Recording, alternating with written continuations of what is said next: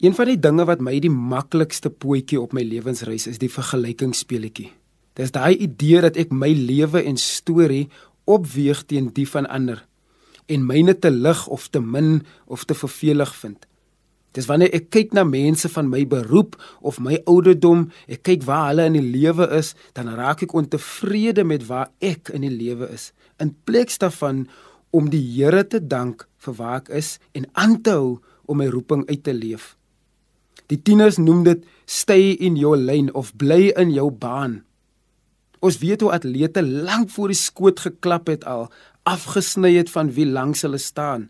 Usain Bolt wat nie staan en rondkyk na sy regterkant of die linkerkant en wie daar staan nie. Daai man is gefokus op sy eie reis en op sy roeping, gefokus op net wat in sy baan aangaan.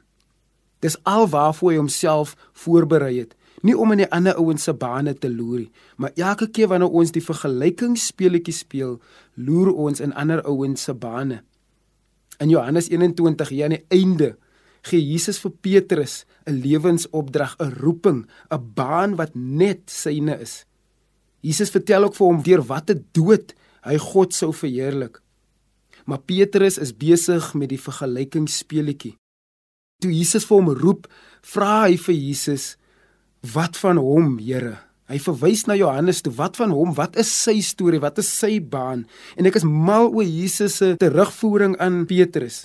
Jesus sê vir Petrus: Dit het eintlik niks met jou te doen nie. Selfs al sou ek wou hê hy moes bly lewe tot ek weer kom. Moenie jy jou oor sulke dinge bekommer nie. Sorg net dat jy by my bly. Die uitnodiging vir ons is dieselfde. Bly in jou baan. Moenie die vergelyking speletjies speel nie want Jesus roep my en jou vandag by die werk, by die skool, in ons huwelike, in ons verhoudings. Bly in jou baan wees getrou op die baan en die reis wat die Here vir jou uitgesit het.